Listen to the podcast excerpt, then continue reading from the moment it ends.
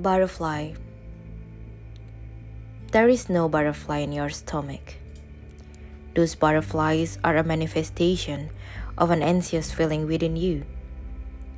It usually happens in the beginning of a relationship, and when we're facing it, we all just shake it off just because we think it is normal. Well, I used to think that way too.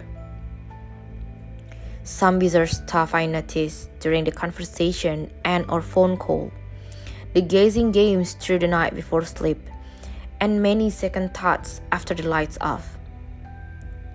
I just don't find it necessary for me to get overthinking through that stuff.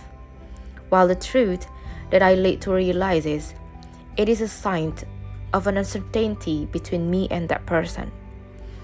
Physically, emotionally, he is just not there to give me the security I need. That is how my heart told me to stop or run before it is getting more toxic. Yeah, those butterflies. I'm starting to learn to not to romanticizing the butterfly in my stomach. Not anymore.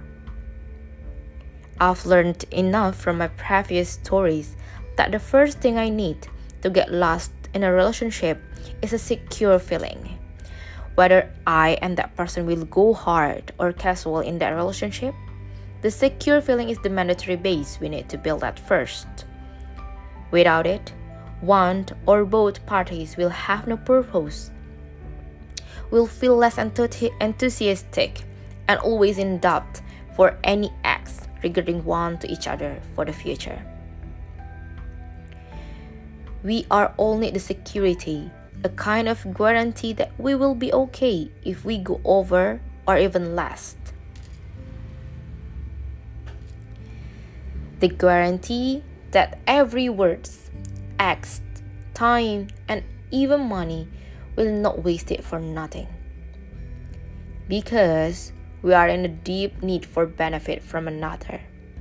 Am I right? Just the benefit needed by me and others is different. It could be ears that always ready to listen to my story even at 3 a.m. for me. Meanwhile, for you, it could be a countless gift or you've done good today words before the sunset the benefit we are seeking for is different because we are growing in a different backgrounds which shape us into who we are and what value we hold tight until right now.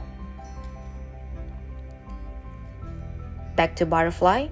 Well, I'm not a teen seeking for someone who will tell me he loves me anymore. I'm mature enough to say that what I'm looking for is the love in a form of act, not only in words. He'll tell me he loves me by not letting me wonder after midnight is he home already.